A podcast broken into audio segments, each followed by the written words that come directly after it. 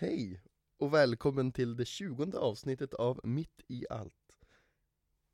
Det är februari, snön faller utanför och vi firar någon sorts ettårsjubileum. Eh, jag har hållit på med podden i ett år och det känns helt magiskt faktiskt. Det var länge sedan vi nämnde vår mailadress som finns. Eh, där kan man höra av sig med frågor och funderingar eller om det var något man känner att man behöver eller vill säga. Och den mejladressen är umia.mittiallt svenskakyrkan.se Vi har även en härlig hashtag som heter mittiallt på Instagram och andra grejer där man kan lägga upp bilder och sånt. Väldigt kul att scrolla igenom. Använd gärna den. Och veckans gäst heter Rasmus Averman och hans berättelse ska vi få ta del av nu. Ha det gött!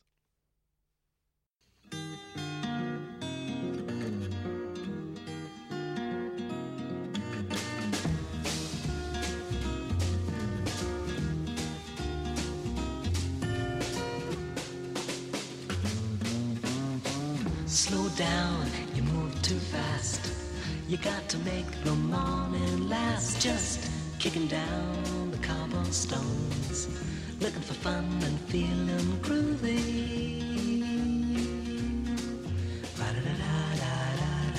Feeling groovy. Hej Rasmus, Hejsan. hur är läget?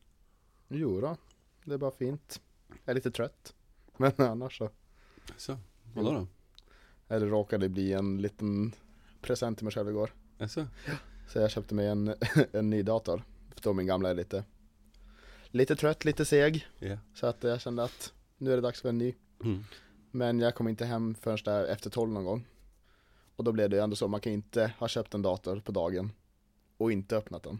Det anmärkningsvärda i sammanhanget att du inte hade öppnat den förrän du kom hem Ja. klockan efter midnatt. Men ja, fortsätt. ja. Nej, jag var lite upptagen till dess, så att eh, efter midnatt fick det bli. Och då blev det några timmar. Ja. där också. Och nu klockan strax efter tio. Så att, inte jättelång natt, Jag förstår. men det rullar på. Var det värt det? Det var det, helt klart. Vad blev det för dator?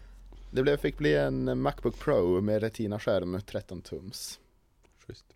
Jag hade en vanlig Macbook Pro innan. Men som sagt, den började bli lite trött. Så att den får till, komma till någon bättre behövande. Jag förstår. Jag förstår. Hur har din eh, vecka varit? Ja men den har varit fin. Eh, vi började nu eh, nya terminen, nya vårterminen nu i måndags. Mhm. på universitetet då. Så att eh, det är som, känns lite blandade känslor att komma igång igen. Men absolut är det skönt. Vi har haft ganska långt juluppehåll. Mm. Men nu så är det pang på. Vi ska läsa massa, massa, massa grejer till nästa vecka. Så att det är som ingen vila. Ingen vila. Vad är det du läser? Jag läser till, i nuläget, eller jag läser rent allmänt till eh, gymnasielärare. I Ja. engelska och spanska. Just det. Och i nuläget är det ett block med bara engelska då. Så vi läser Ja. tre terminer. Man läser tre terminer ämne, sen läser man lite pedagogik, så läser man tre terminer ämne till. Mhm. För gymnasielärare behöver läsa till två olika ämnen. Tre terminer var det? Ja, precis. Okej. Så att eh, då läser vi, nu är jag inne på min tredje termin engelska då. Just det. Så snart, snart är jag klar med den biten. Men det är din fjärde termin på universitetet? Precis, Totalt. så vi började, inledde ju med en termin allmänt, alla, alla olika lärartyper tillsammans. Just. Och sen fick man gå ut i olika, sina olika uppdelningar. Ehm, varför vill du bli lärare? Ja, en fråga jag faktiskt har ställt mig själv många gånger. Alltså det, det, eller det är mer såhär, vi ställer varandra det bara för att det är intressant att höra olika Ja. Faktorer på det eller, eller olika inputs Mm. från olika håll. Eh, för det första trodde jag att jag kom på att jag ville bli lärare i trean på gymnasiet ungefär. Mhm. Ganska mot slutet. Mm. På studenten fick vi tillbaka brev som vi hade skrivit till oss själva i ettan, just när vi började. Där vi skulle svara på frågan vart är jag om tio år? Mhm. Där hade jag skrivit att jag var lärare Okej. och arbetade som lärare. Ja. Så uppenbarligen har ju den känslan eller den viljan, det målet funnits med ganska mycket längre. Ja. Bara att jag inte har tänkt på det, eller jag har som förträngt det Ja. på ett sätt konstigt. ja. Men, Men det sitter väl någonstans i, eh, i att jag alltid tycker om att hjälpa människor.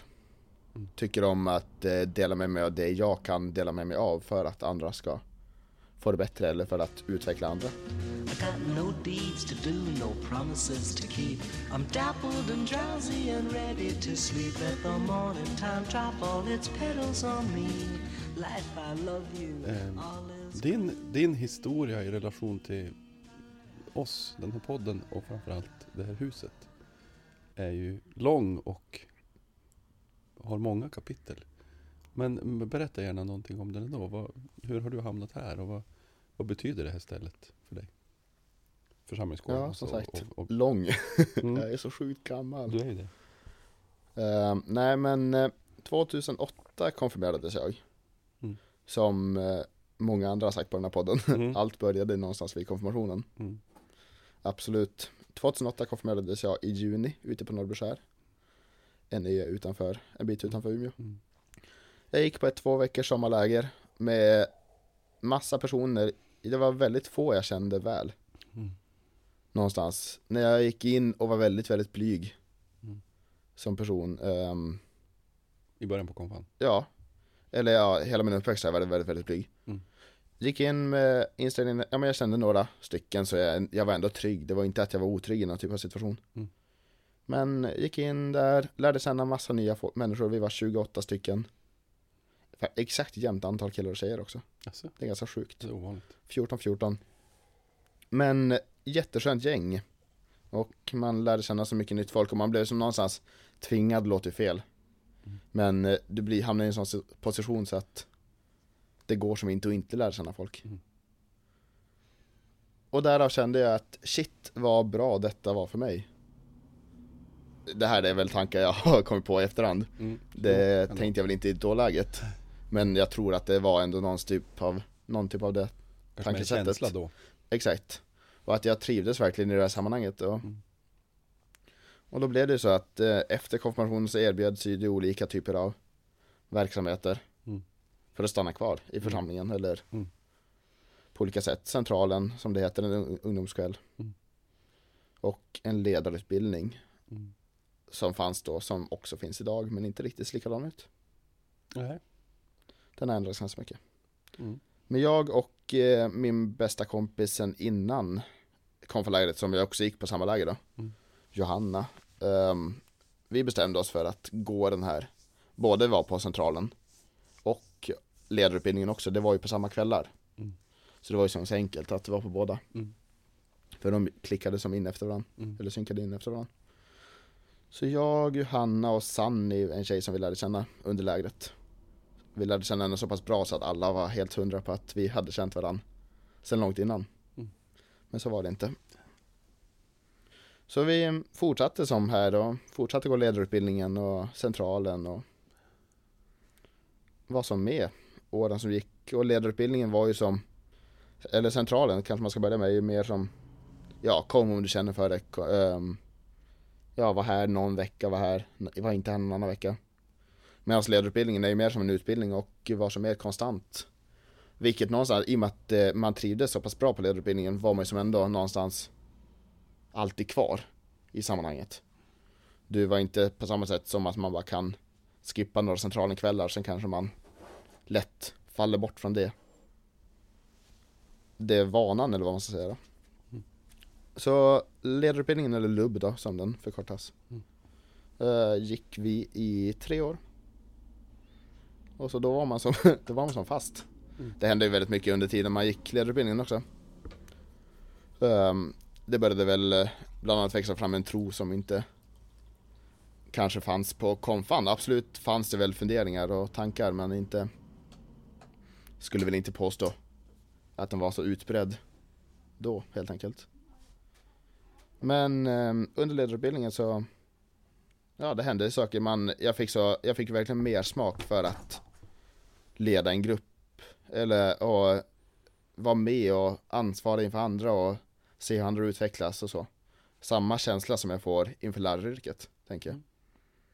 Tycker jag också är ganska häftigt utifrån mig själv att jag gick in med inställningen, eller inte in med någon inställning, men jag vet hur blyg jag var förut.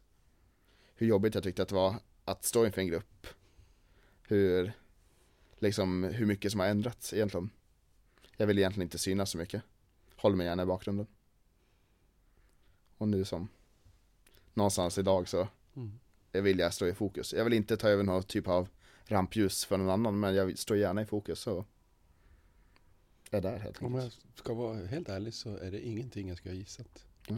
Och så säger många. Ja, ja, jag förstår det. Jag Många förstår. säger bara När jag säger ja, men jag Du att- aldrig jag att byn när jag var liten. Va? Ja, Nej det är, inte, det är inte möjligt liksom. Jo men så, så är det. Vad häftigt att kunna titta tillbaka på Mm. den sortens förvandling då. Får Mm. vi väl kalla det. Absolut. Och jag har, ja men det är väldigt självreflekterande. Jag känner själv att det är väldigt, har hänt så sjukt mycket. Och jag är Mm. så nöjd, eller alltså jag är så glad över att det har hänt. Mm. Det förstår jag. På så vis. Ja, det är starkt. För jag skulle inte vilja, när jag tänker tillbaka på det i nuläget skulle jag inte vilja vara kvar i den personlighet. Eller inte personlighet, men den typ av känsla för mig själv jag hade Ja. på högstadiet. Nej, kan jag förstå. Och det är ju gott så. Ja men det är som också, eh, jag vet att mamma har sagt det flera gånger, vi är tre syskon, jag är mittenbarn och så har jag en lilla syra och en stora syra. Mm. Varav alla vi tre är konfirmerade. Mm. På samma typ av läger, samma tid på året. Mm.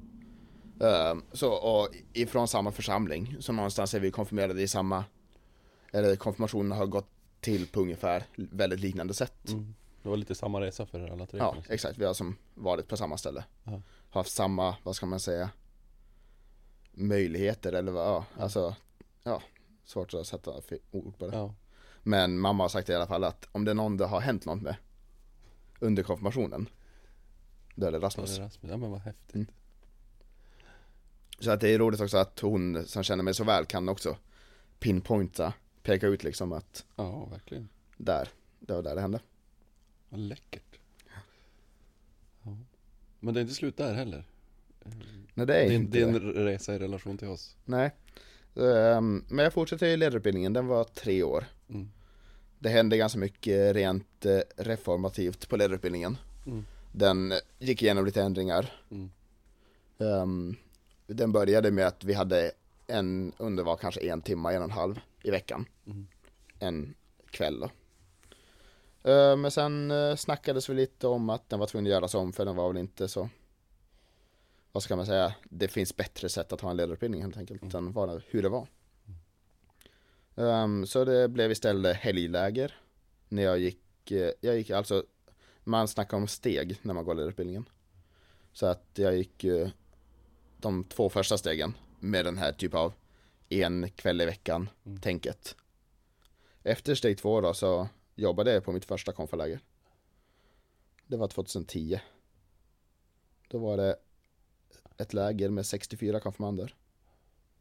Sjukt stort, sjukt konstigt. Eller att bara hoppa in i något ställe och försöka hantera en situation med 64 ungdomar. Man är ungefär nästan lika gammal själv. Man är ny i sammanhanget. Ja men det blev som men det var absolut väldigt, väldigt roligt och väldigt Man, man fick ju otroligt mycket erfarenhet av det. Mm. Så jag, jag ansåg mer att jag har lärt mig mer Eller jag är mer praktisk faktiskt, vad ska man säga Jag lärde mig så otroligt mycket mer eller mina teoretiska kunskaper som jag fått under ledarutbildningen kom så mycket till på sin plats. När jag väl fick ut och jobba i praktiken då. Och så är det du, du lär dig väl, eller du, man, man lär sig mer av att göra än att läsa om att göra. Absolut. Eh, Det är ju, det är ju i skarpt läge som Vi måste få ut och testa. du måste få enkelt. testa. Precis. Nej, så jag jobbade på det lägret. eh, Gick sista steget. Jobbade på ett läger till. Mm. Ehm, då var det inte lika stort. Det var ett ridläger. Ehm, och ja, lite annorlunda uppbyggt. De ehm, då ridlägren som har brukar funnits i församlingen har de bott nära ridanläggningen på en skola. Mm. Men det samarbetet funkade inte riktigt i året så alla konfirmander fick bo hemma. Eh, Men det var det några stycken få som hade åkt så långt för att vara med på det här. Från Pite, från, ja någonstans också, någon norrifrån. Och någon från Husum, lite en bit mot Så ändå så pass långt så att man inte kan pendla varje dag, morgon och kväll då. Så då fick vi ändå sova med dem på framgården helt enkelt. Så jag och Sanni som jag gick både konfirmation och ledarutbildning med då. Fick jobba tillsammans på det lägret och då övernattade vi. Så vi hade som ett mini övernattningsläger här på framgården. Ja. Och bara de två veckorna att sova här har också det har som blivit Jag tror att där hände det någonting att då bodde man i det här huset Som egentligen är en kontorsmiljö I två veckor. Och då blev det som också Det är lite av ett hem. Låter jätteklyschigt Men när man väl har bott här i två veckor Och sovit över där varje natt Då får man en lite annan bild på det. Än vad man fick förut. Så var det. Men sen eh, efter det lägret, det var på sommaren 2011 Så hösten 2011, då var ju som Då fanns det ingen mer ledarutbildning att gå men det var ju det här problemet att det inte fanns så mycket Tillräckligt med ledare för alla tre steg. Så att då blev, vi var ju till slut bara fyra stycken som Avslutade steg tre ledarutbildningen då. Det var ju jag, Johanna och Sanni Också Adam som är med och håller i denna podd. Så vi eh, gick ju som ut steg tre och eh, jag, vet, jag minns inte exakt hur det gick till men ja, det blev i alla fall överenskommet att vi skulle vara med och hjälpa till. Och var, fungera, inte som deltagare utan mer som ledare för ledarutbildningen. För de yngre helt enkelt då. Så där var jag bara som fast fortfarande. Där fick man inte slippa undan inte. Och nu är du kvar i det Precis, fortfarande. ja. Eh, Som en, en fantastisk resurs i arbetet med ledarutbildningen. Eh, Och en massa annat som händer här i huset förstås. Men det är bara du. Det är bara jag, de droppar som av en efter har hoppat av. Ja. Förlåt, Sanny, Johanna och Adam har hoppat av. Ja. Eller gör annat. Precis, ja det var väl så att efter första året där vi hade varit med och hjälpt till så var det mycket annat som stod på schemat helt enkelt Ja, för de dem. ska ju resa och grejer. Då vart det svårt. Precis, Ja, det är som det är. jo.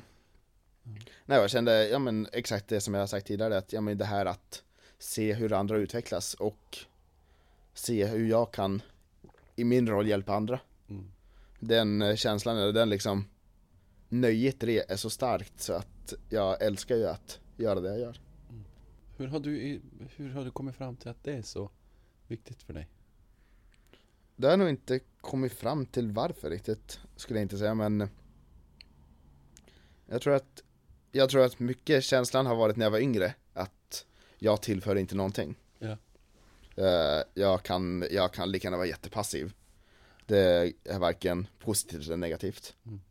Det händer som, alltså jag Ja, jag är där men Det spelar egentligen ingen roll Min närvaro är som inte viktig riktigt Ehm, men så när jag började inse att Jo, det är det nog faktiskt. Eller jag ser Jag ser resultat av min Vad ska man säga, min egen plats där, eller min ledar Min ledarroll, eller min Mitt ledarskap ser jag, eller det kan speglas av på andra människor Och jag ser att det händer positiva grejer Det är så galet häftigt på något vänster I got no deeds to do, no promises to keep. I'm dappled and drowsy and ready to sleep. Let the morning time drop all its petals on me. Life, I love you, all is groovy. Har du några förebilder? Ehm, ja, det har jag väl säkert. Men egentligen inte, jag har, inte, jag har aldrig haft någon sån här riktig idol när jag var yngre. Mhm. Det har inte, som inte riktigt funnits. Men det kanske sitter i att jag inte riktigt vet. Jag hade svårt att veta vad jag ville göra. Många kanske drömmer om att man, om vi, om vi backar riktigt länge. När vi snackar lågstadiet, mellanstadiet, man vill kanske bli fotbollsstjärna. Då kanske man har en fotbollsspelare som idol. Eller man vill vara artist. Ja men då har man någon artist som idol. Det har inte riktigt funnits någon sån typ av dröm i mig och då har det inte heller funnits någon person, någon, vad ska man säga, offentlig person som har fungerat som någon typ av idol. Men sen tycker jag att eh, jag ser upp till folk eller förebild vet jag inte men däremot kan jag se upp till folk som jag tycker gör någonting bra i det de gör. Det låter jättediffust, men Kan du ge ett exempel? Nej men jag möter folk och bara "Ja, Men shit vad du gör det här bra Jag minns gymnasielärare som jag hade på gymnasiet Vissa lärare är helt fantastiskt dåliga på det de gör Fattar inte ens vad de har där att göra Eh, Medan vissa lärare verkligen brinner för sitt yrke Och är där verkligen för att hjälpa och utbilda elever Och någonstans Ja då kom, vi faller in på samma spår igen att jag blir jag gillar det här att se andra utvecklas. Och då kan jag också se på andra, förmodligen när de brinner någonstans utifrån, kanske lite samma håll, att de vill också se mig utvecklas som elev.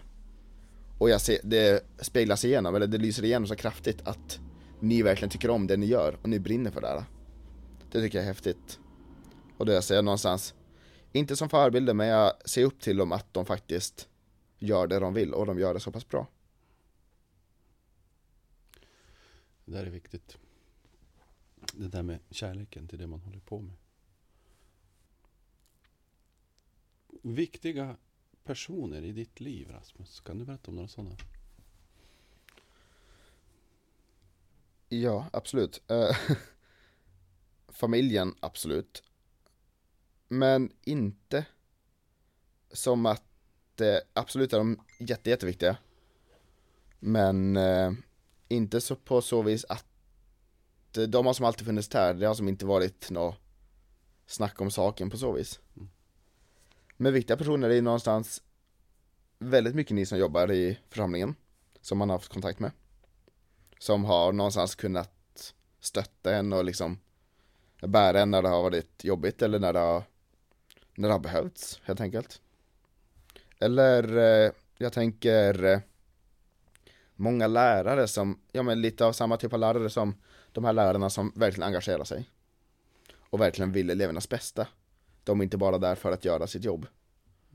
De gör det lilla extra också. Det betyder så pass mycket bara för att man får den där lilla pushen. Och, ja men sådana personer, jag hade en högstadiementor Som verkligen Ja han brann Verkligen för att våran klass skulle må så bra som möjligt. Och det, har- ja men jag tror att hela klassen Alltid kommer komma ihåg honom. Bara för att eh, Så galet godhjärtad människa att man Men ja, svårt att sätta Jag vill ju gärna inte prioritera någon mer än någon annan så eller sätta upp någon typ av lista. Känns lite konstigt. Mm. Jag förstår det. Det behöver man inte göra. Nu har vi pratat om konfirmationen i och för sig och, och processen efter det. Eh, kan du berätta om någon situation eller episod eller kanske person som, som har förändrat dig? Mm. Det kan vi snacka om. Ehm,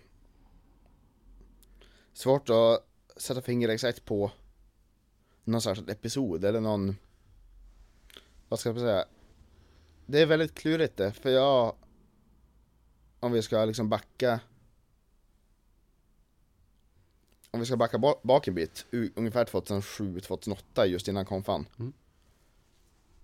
Då eller vad ska man säga, min farsa har förändrat mig väldigt mycket. Mm.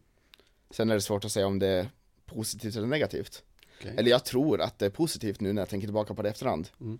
Men sättet det hände på var ju inte så här jätte... det hade ju kunnat fungera på ett bättre sätt. Okej. Vill du berätta? Så känns det, absolut. Min farsa, när jag var...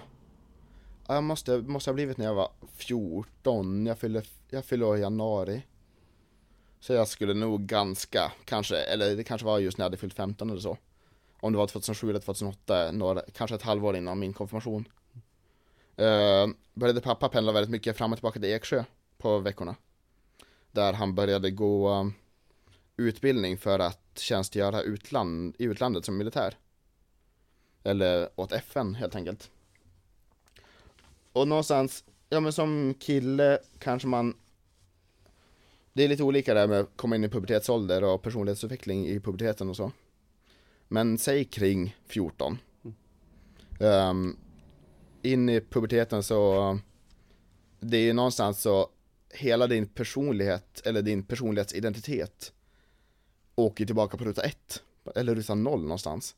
För att du sen ska- sen ska lyckas bygga upp den igen. Helt enkelt. Och eh, jag tror att nu, jag har reflekterat över det här väldigt, väldigt mycket. Um, jag tror att det var, hände ungefär samtidigt att han började pendla hemifrån, han var borta hemifrån väldigt mycket. Och jag skulle någonstans börja bygga upp mig själv. Um, han stack i alla fall, han var borta ganska mycket på veckorna. Var hemma också, alltså han var inte borta hela tiden, det var han inte. Men sen eh, något tag innan, kanske var i april, maj 2008. Då eh, stack han och gjorde sin första utlandstjänstgöring. Och åkte till Bosnien. Och arbetade som sjukvårdare för de som arbetar med att spränga miner. I Bosnien. Då det har varit krig där länge, eller har varit förut så har det ju, det finns ju jättemånga nedgrävda miner. Som är farliga för befolkningen helt enkelt. Så att FN går in och med stora maskiner för att spränga bort de här minorna helt enkelt. Så han var inte där i någon typ av skarpt läge eller i någon typ av krigszon. Ehm, men han var borta hemifrån i ett halvår. Så att, och då blev det någonstans så här. Ja man kanske behöver någon typ av fadersfigur när man ska försöka bygga upp sin egen personlighet. Men jag var hemma med mina två systrar och min mamma. Och det är som Det var ju ingen negativt till det, det var ju som Det funkade fint Men nu när jag tänker tillbaka på det i efterhand kanske det inte hade sett likadant ut om man hade varit hemma så tänker jag. För det var ju som Ja, den där resan var som över efter ett halvår. Jag tror han kom hem på någon typ av permission, ledighet, någon vecka kanske, mitt i. Um, Och man kunde snacka med honom på Skype någon gång då och då. Um, Men det var ju som inte riktigt samma sak när han kom hem. Det var ju som, då hade jag ändå hunnit förändra så pass mycket, då hade Under den tiden var mitt konfaläger. Som jag snackat om, det hände väldigt mycket på konfalägret. Och jag ansåg inte mig själv som samma person. Före han åkte och efter. Och jag tror han märkte det ganska tydligt också att Det är inte samma Eller vi klickar inte på samma sätt som vi gjorde förut. Eller liksom Ja. Och han sa det att han, jag vet att mamma har berättat här att han har sagt att Det känns inte som att mina barn lyssnar på mig längre på samma sätt. Som de gjorde innan, helt enkelt. Men det var ju inte bara så, du alltså, utan alla tre. mina systrar också. Ja. Inte kanske på samma sätt um, Min stora syrra hade väl redan Hon hade varit lite vuxnare kanske. Eller lite, lite äldre i alla fall. Hon var ju 18 när det hände. Um, Och min lilla syster var 10 Så att hon kanske inte märkte av det på samma sätt heller. Så jag tänk, jag ser mig gärna själv någonstans Mig själv som att vara i den ålder där, det, där jag kanske påverkas mest Av det. Man stack i alla fall till Bosnien där ett halvår sen eh, Efter ett tag, sen, ett tag efter det så stack han till Sudan. Um, Och arbetade som, han är ju polis i stan, eller här hemma Arbetar i Sverige. Um, Så han stack till Sudan på någon typ av polisiärt samarbete. Det var inte via FN alltså längre. För via FN då var man tvungen att vänta ett x antal år innan man fick åka ut på utlandstjänstgöring igen. Just för att man ska kunna ha en stabil Stabil fast grund hemma. Så att det inte ska skita sig någonstans där. Men eh, det, i och med att det inte åkte via FN utan mer via polisen, svenska polisen Så gällde inte samma regler. Så jag tror att han kanske var hemma ett år, max möjligtvis. Sen stack han till Sudan och arbetade som polis Och försöka hjälpa polisen i Sudan helt enkelt att förbättra deras arbete I Darfur Om man kanske har hört om det, möjligtvis Det finns lite olika delar av Sudan Och lite olika typer av kriser här och där Ja, det har väl varit någon konfliktzon just kring Darfur? mm, Darfur-konflikten är en väldigt känd Mm. konflikt Och det var Där- då han var där? Han var, ja, inte riktigt under konflikten tror jag, men det var fort, det var inte helt hundra Ja. på stället kanske. Mm. Men eh, där var han i alla fall borta i ett år. Å- Åkte han iväg och var borta. Och bara hem på korta? Ja, bara hem kanske max någon veckas visit. Två gånger per år eller vad det var. Mm. Så det var som, jag fortsatte utvecklas, jag fortsatte att eh, göra mitt. Ehm, jag minns, jag tyckte inte riktigt om, jag tyckte inte att det var bekvämt att sitta ner och skypa med han. Det var som vi kunde ha, när hela familjen var hemma så satt vi som alla. Men jag tyckte inte att det var bekvämt att sitta själv. Jag ringde han aldrig själv på Skype. Det var ju som Så vi ledde som ifrån varandra mer och mer, tänker jag.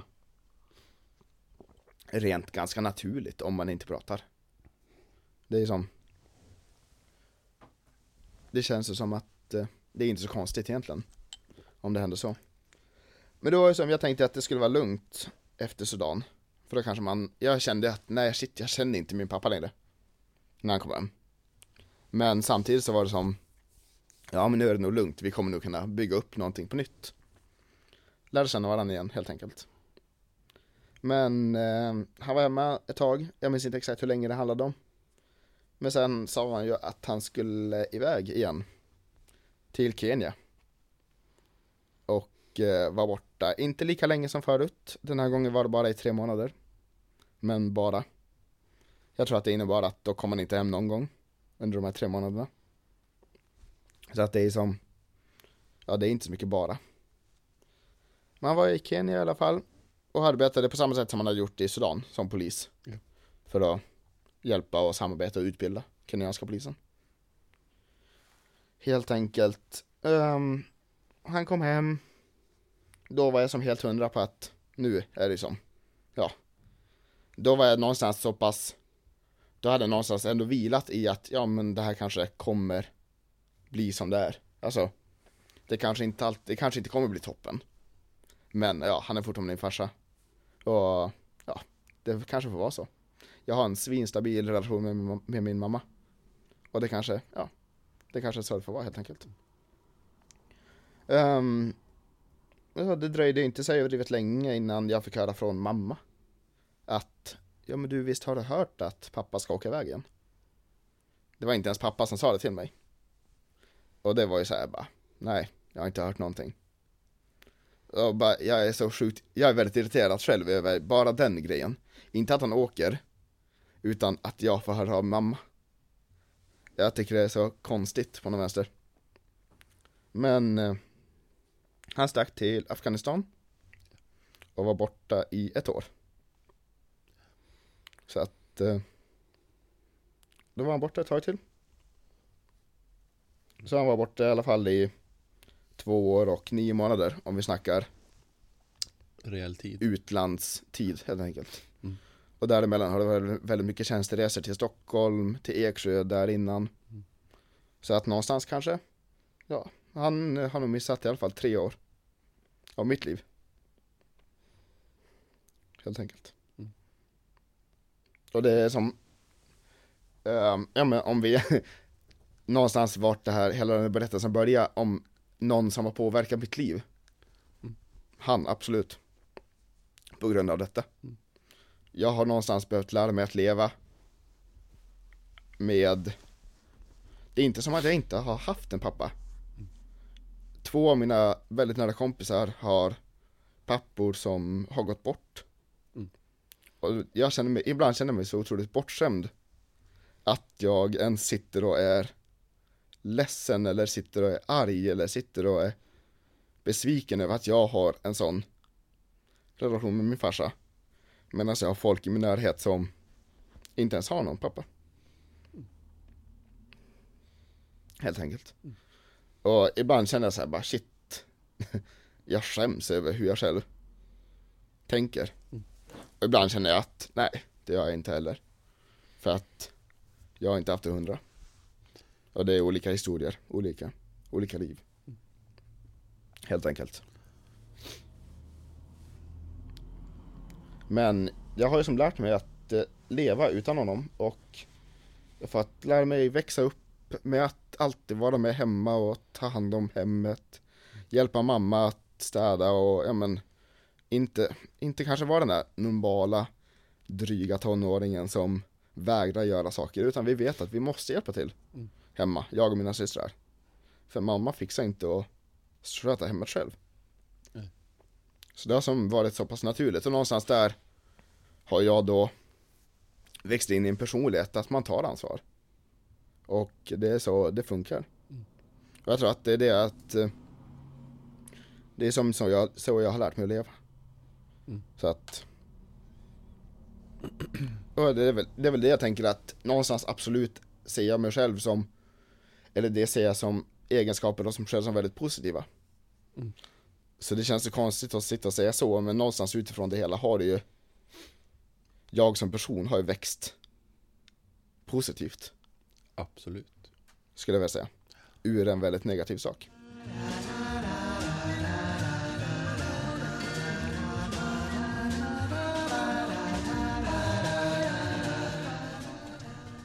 Jag förstår att det blir mycket blandade känslor i den här situationen.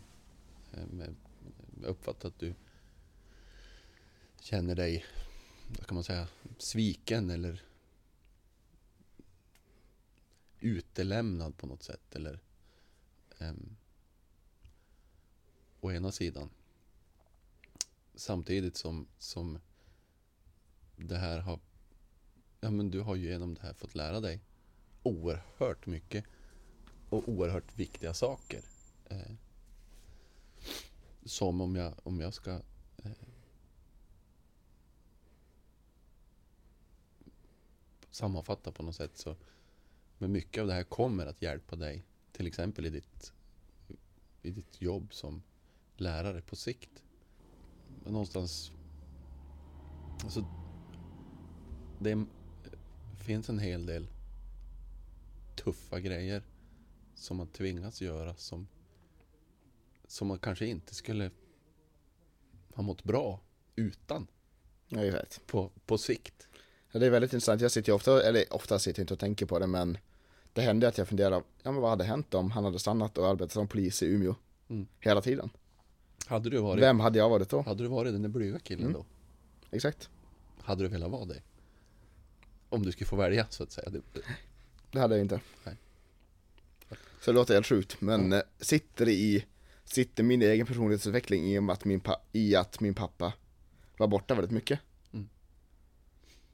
Så är ju det Fortfarande inte något jag skulle ha på. Nej. Vilket är sjukt. Men är det det det sitter i så absolut. Eh, Är det här något som ni eh, kan prata om hemma? Skulle jag inte säga. Eh, Jag tror att hela min familj är väl medveten om varandras tankar och varandras åsikter om detta. Ja. Jag vet inte hur pappa känner inför det hela. Han är nog den man har minst koll på, eller hans liksom synvinkel i det hela. Mm. Jag, jag vill gärna tänka att någonstans att det är lite skämmigt. Att hans han? Ja, från hans sida. Särskilt utifrån den incidenten att, eller den händelse att jag får veta från mamma att han ska sticka till Afghanistan i ett år. Någonstans tänker jag att han inte vågar, eller han inte själv vill stå för att han ska sticka igen. Och det är så abs- absolut när man jobbar utomlands åt olika myndigheter och FN och ja, statligt utla- utlandstjänstgöring får man väldigt mycket pengar. Du får jättemycket lön. Ehm, och jag har hört ursäkter att ja men vi hade inte haft en sommarstuga ifall inte pappa hade jobbat utomlands. Men det är som, det skiter jag i.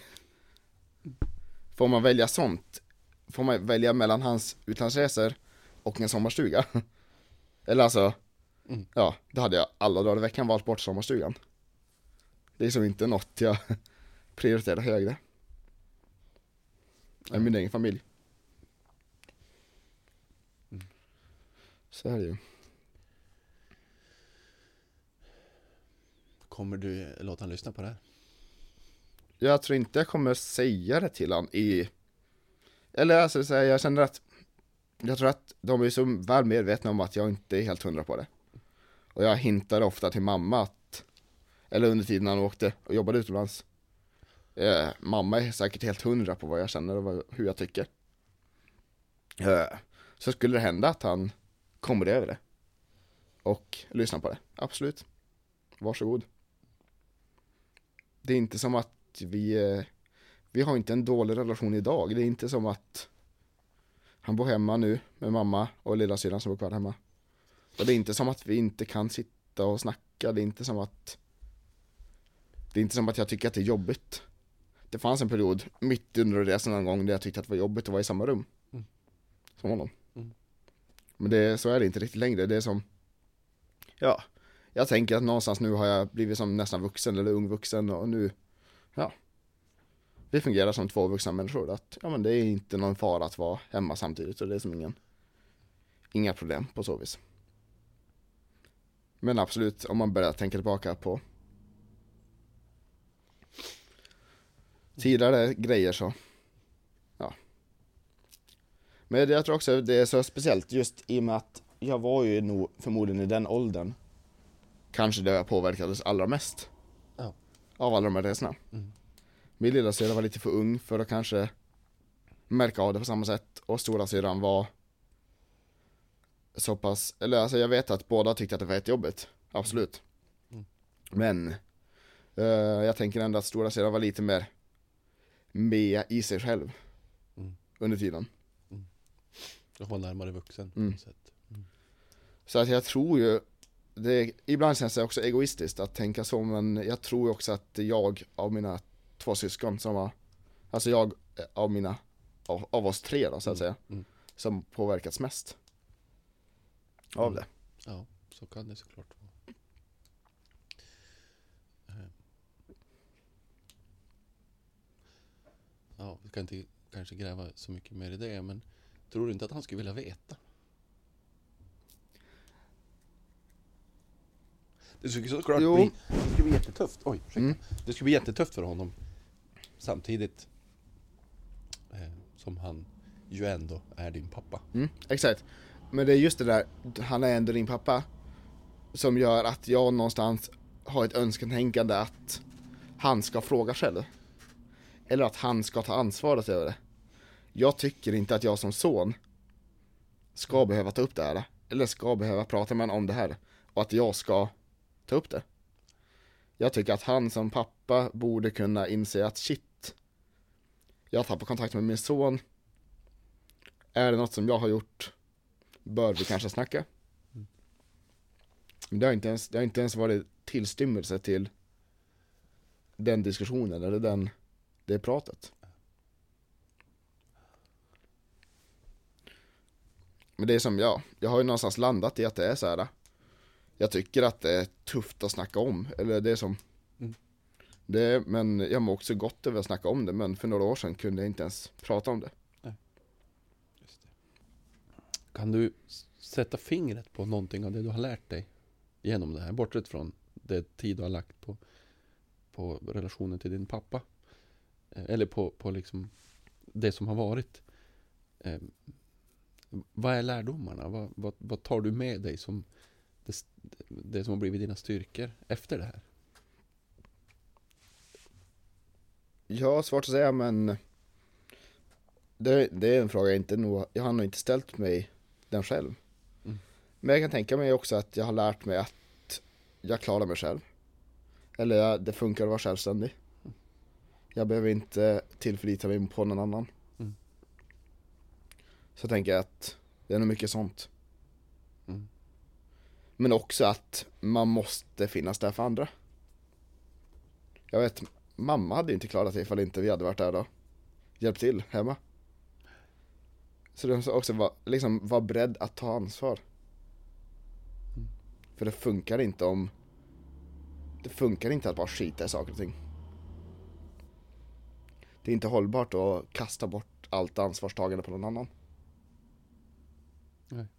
Då kommer någon, den personen gå in i väggen och kommer bli kaos för den.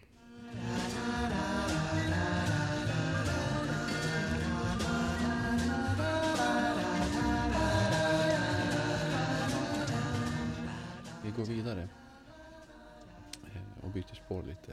Eh, en av våra traditioner i den här podden är att du får en fråga från den förra gästen. Eh, Oj, nu är det faktiskt så att det avsnittet publiceras just nu. Eh, den frågan som du får. Ehm, om du skulle få välja en person att ta med dig nu minns jag inte exakt formuleringen, men att ta med dig till en ö, bygga en koja, eh, äta frukt och sitta och prata med. Vem skulle det vara? Det är alltså inte så att man är strandad på ön. Utan man ska bara ha ett Nej, du, samtal. får, nej, du får välja en person att ta med dig. Inte strandad nödvändigtvis. man får men- åka hem efter samtalet. Ja, Oj.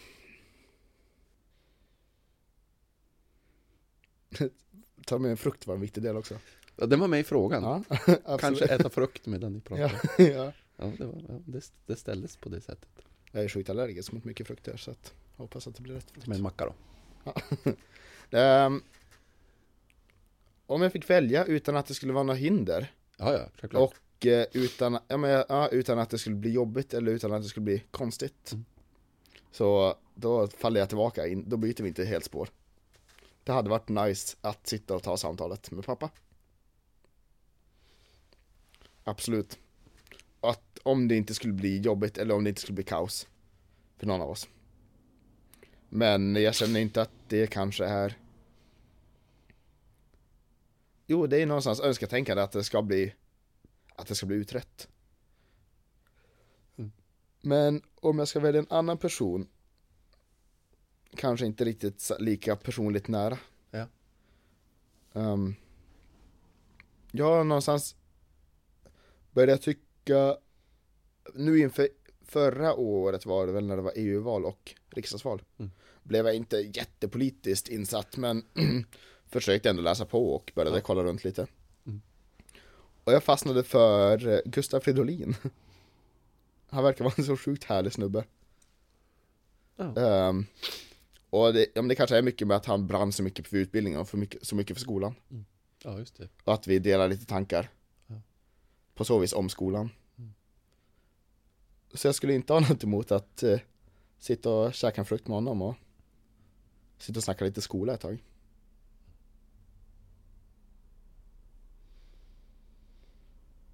Så tänker jag. Mm. Det var ett oväntat namn, men på något sätt kändes det självklart när du säger det. Ja, ja Snyggt. tack. Eh, Du ska få ställa eh, en fråga till nästa gäst. Om du fick ändra vad du vill i ditt liv. Eller om du fick... Eh, nej, så här. Om du har helt fria möjligheter att göra vad du vill med ditt liv. Vad skulle du göra? Eh, Då ska du få svara på den frågan. Alltså om du har helt fria möjligheter att göra vad du vill med ditt liv. Vad skulle du göra då? Och jag är ju så sjukt tråkig när det kommer till den punkten. Mitt livsmål är ju inte speciellt någonstans. Jag vill jättegärna ha familj. Mm. Ehm, och jag vill jättegärna ha ett normalt liv. Utan större svängningar åt något håll. Mm. Så jag önskar att jag får ett stabilt familjeliv där jag brinner och har ett riktigt bra läraryrke. Mm. Roligare än så kommer det inte vara, men det är verkligen om jag drömmer om något, Då är då är det det. Jag vill inte ha det här extrema. Jag är inte ute efter det helt enkelt. Nej. Att det kanske finns något extremt i det också. I det som du längtar efter ens. Mm, absolut. Men jag tror också att det sitter kvar lite ifrån att jag var ung, att det är det jag vill åt. Just det här att jag vill varken vara, jag vill inte sticka ut. Nej. Det sitter kvar helt enkelt. Mm. Jag trivs i att vara den normala typen som, Du det kan, man kan märka av den om, eller alltså det går att synas om man vill. Mm. Man behöver inte alltid heller vara synlig.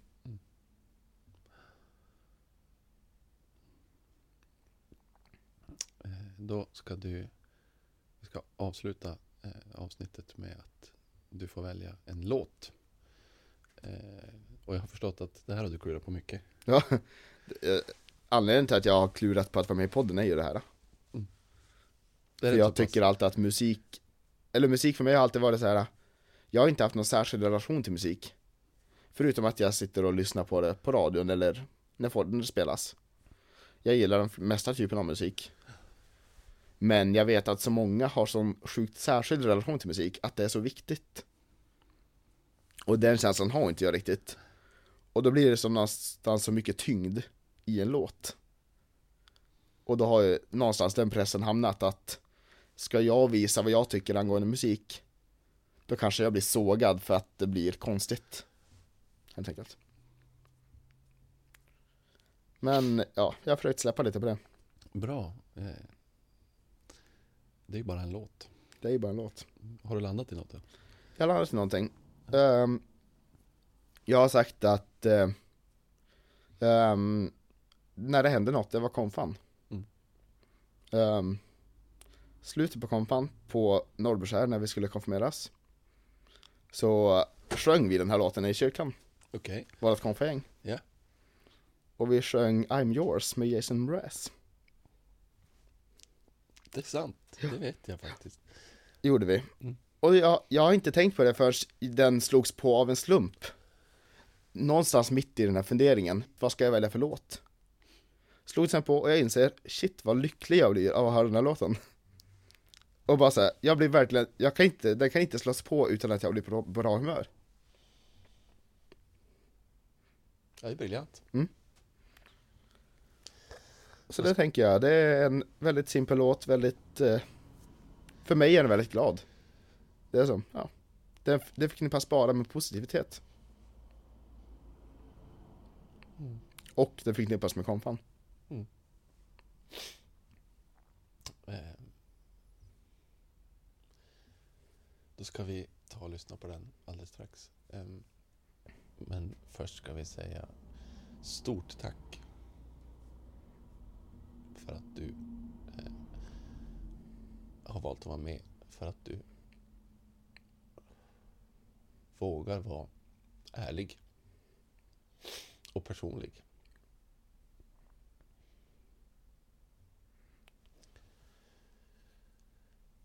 Det är lugnt, höll jag på att säga. Nej men, eh, tack själv för att jag fick vara med. Ja, som sagt, jag gillar att dela med mig. Det, det är skönt. Well, you done done me and you bet I felt it. I tried to be chill, but you're so hot that I melted. I fell right through the cracks. Now I'm trying to get back.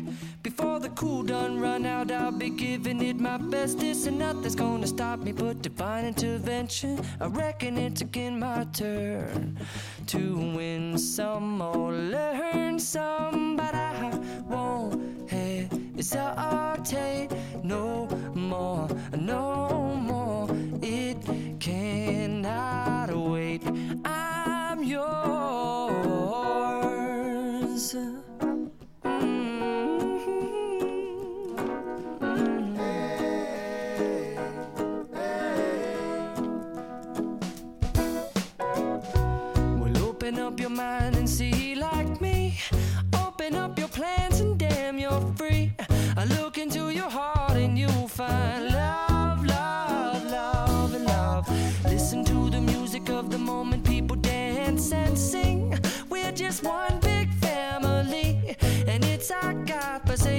to be loved,